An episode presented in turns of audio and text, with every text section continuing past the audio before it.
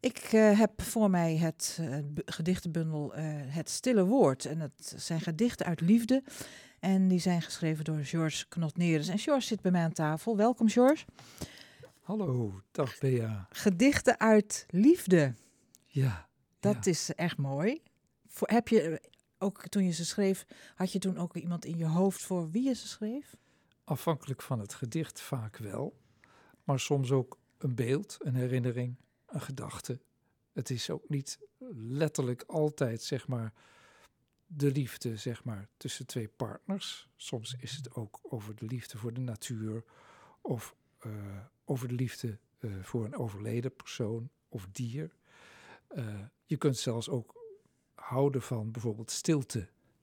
En, dat is eigenlijk het thema gedichten uit liefde. Ja, maar je had ook een inspiratiebron, hè? Zeker, zeker. Dat is Emily Dickinson, een groot dichteres uit de 19e eeuw. Uh, zoals de meeste kunstenaars wist zij niet dat zij groot was. Dat wordt je vaak postuum, zeker in haar geval. Want zeer bescheiden vrouw, leed een teruggetrokken leven. en dat maakt ook haar gedichten zo speciaal. Ja, je gaat zo wat gedichten voorlezen. Maar ik wil eerst weten, waar kan iedereen dat boekje kopen? Want het is best heel bijzonder. Ja, een, een poëziebundel is vaak lastig te verkrijgen. Dus het beste is gewoon internet. De meeste mensen hebben dat tegenwoordig. Uh, in googelen, uh, googelen zeg maar het stille woord. Uh, en dan kom je er wel uit. Het kan gewoon besteld worden via de internet ja. boekhandels. Juist, en als men jouw naam googelt, dan komen ze er ook wel op. Dat kan ook. Ja. Heel goed, George Knotneres. Ik zou zeggen, ga je gang, lees een paar prachtige gedichten voor ons voor. Ik wil graag iets uh, eerst voorlezen van Emily Dickinson. Het is wel in het Engels, of eigenlijk moet ik zeggen Amerikaans. Ze is opgegroeid als dochter, oudste dochter van een advocaat. Uh, die had een klein landgoedje in Massachusetts. Uh, zoals ik net al zei, leefde zij eigenlijk op haar kamer. En ze keek door haar venster naar de wereld.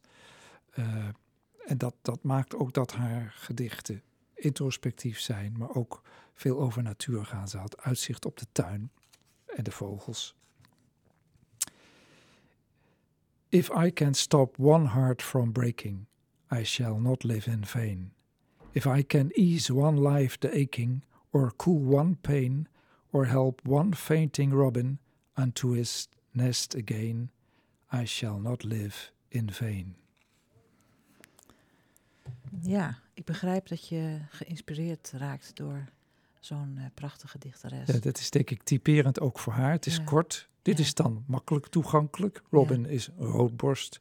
Het gaat over, ja, wat kun je doen in je leven? Nou, het, het minste geringste om een wezentje te helpen geeft heb, al betekenis. Dan heb je niet voor niks geleefd. Nee, Goed. nee. Zo, uh, ga, je, ga je nu door met je eigen gedichten? Want heel het graag. Ook al, uh, heel, heel graag. Dit gaat over Emily Dickinson zelf. Het is als het ware een kleine ode. En het heet dan ook Emily. In de ban van haar vaders huis, zelfgekozen eenzaamheid, omdat gezelschap pijnlijk was. In de ban van beeld en woord, boetserend, polijstend, balancerend op het koord. In de ban van leven, dat zij niet lijden kon, maar door haar werk wel delen mocht. In de ban van haar geraakt, onontkoombaar, onomkeerbaar, dichteres van het verzwegen woord. Ja, wat moeten we daarop zeggen? Hè? Ja, het is. Het, het is altijd heel lastig om, om na een gedicht uh, uh, commentaar te geven. Of, dat vind ik altijd heel lastig. Snap ik, snap ja. ik. Eigenlijk, het, het heeft zijn moet, eigen sfeer. En, precies, het heeft zijn eigen sfeer. Ja. Het spreekt voor zichzelf, ja. soms niet. Soms is het onbegrijpelijk. Dat geldt zeker ook voor de gedichten van Emily Dickinson. Zij probeert af en toe een gedachte, een beeld te vatten. Soms is het ook heel concreet. Ik vind haar een voorbeeld omdat ze qua stijl. Uh, het lijkt allemaal vrij en ongebonden. Valse rijm. Het hoeft niet te rijmen. Het mag wel. Alles kan. Niks moet. Maar het mooie is, dat heeft men dus ontdekt na haar dood, dat ze hele schriften bijhield van woorden die bij elkaar pasten of elkaars contradictie waren. Ze maakte er ook een studie van. Ze was autodidact, maar ze was bepaald zeer intens bezig met haar vak. Ja. En dat vind ik uh, mooi aan haar. Uh, ze heeft 1800 gedichten geschreven in dat korte leven wat ze leidde. Ze is, oud is ze geworden? 56 geworden. Ja. Ze leed waarschijnlijk aan een geheimzinnige ziekte, een soort nierfalen, waardoor ze zich ook niet vrij voelde buitenshuis ja. of buiten het landgoedje van haar ouders.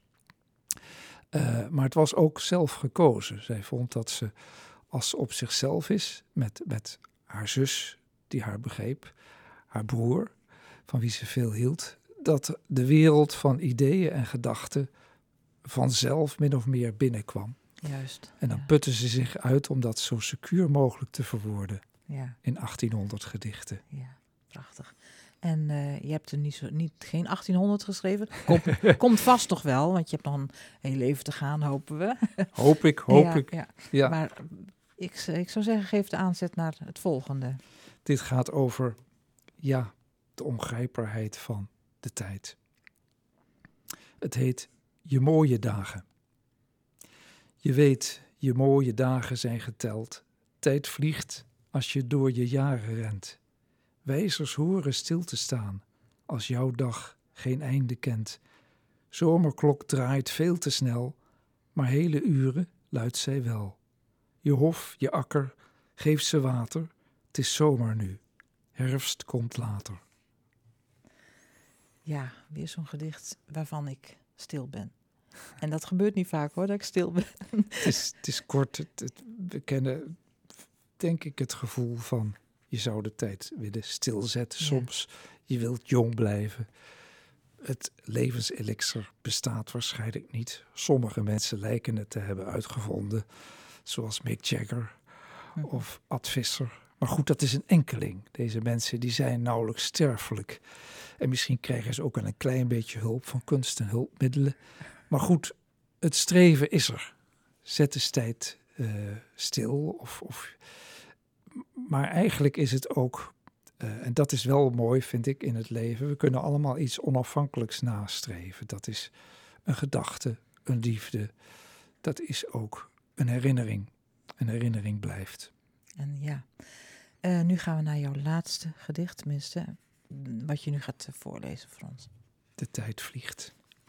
Dit gedicht heet Hand in Hand en is ook een ode aan de liefde. Daar zitten ze hand in hand, op dat bankje onder de bomen, blozende gezichten naar elkaar, gekeerd onder het geelkoper van het verkleurend bladerdag. Haar spiegelbeeld en dat van het bos ziet ze in zijn iris. Zij voelt zijn kracht in haar smalle vingers, brandend van verlangen naar hem, hoe hij is, was, zal zijn. Zijn hart gaat wild tekeer als hij haar ogen ziet, zo vertrouwd, vol vuur en vaart. Hij voelt hoe haar zachtheid strijkt langs zijn huid, haar gloed diep binnendringt. Daar valt een bruin blad in haar schoot van een Amerikaanse eik. Lachend kijken ze ernaar, dan naar elkaar, zo verliefd na meer dan 45 jaar.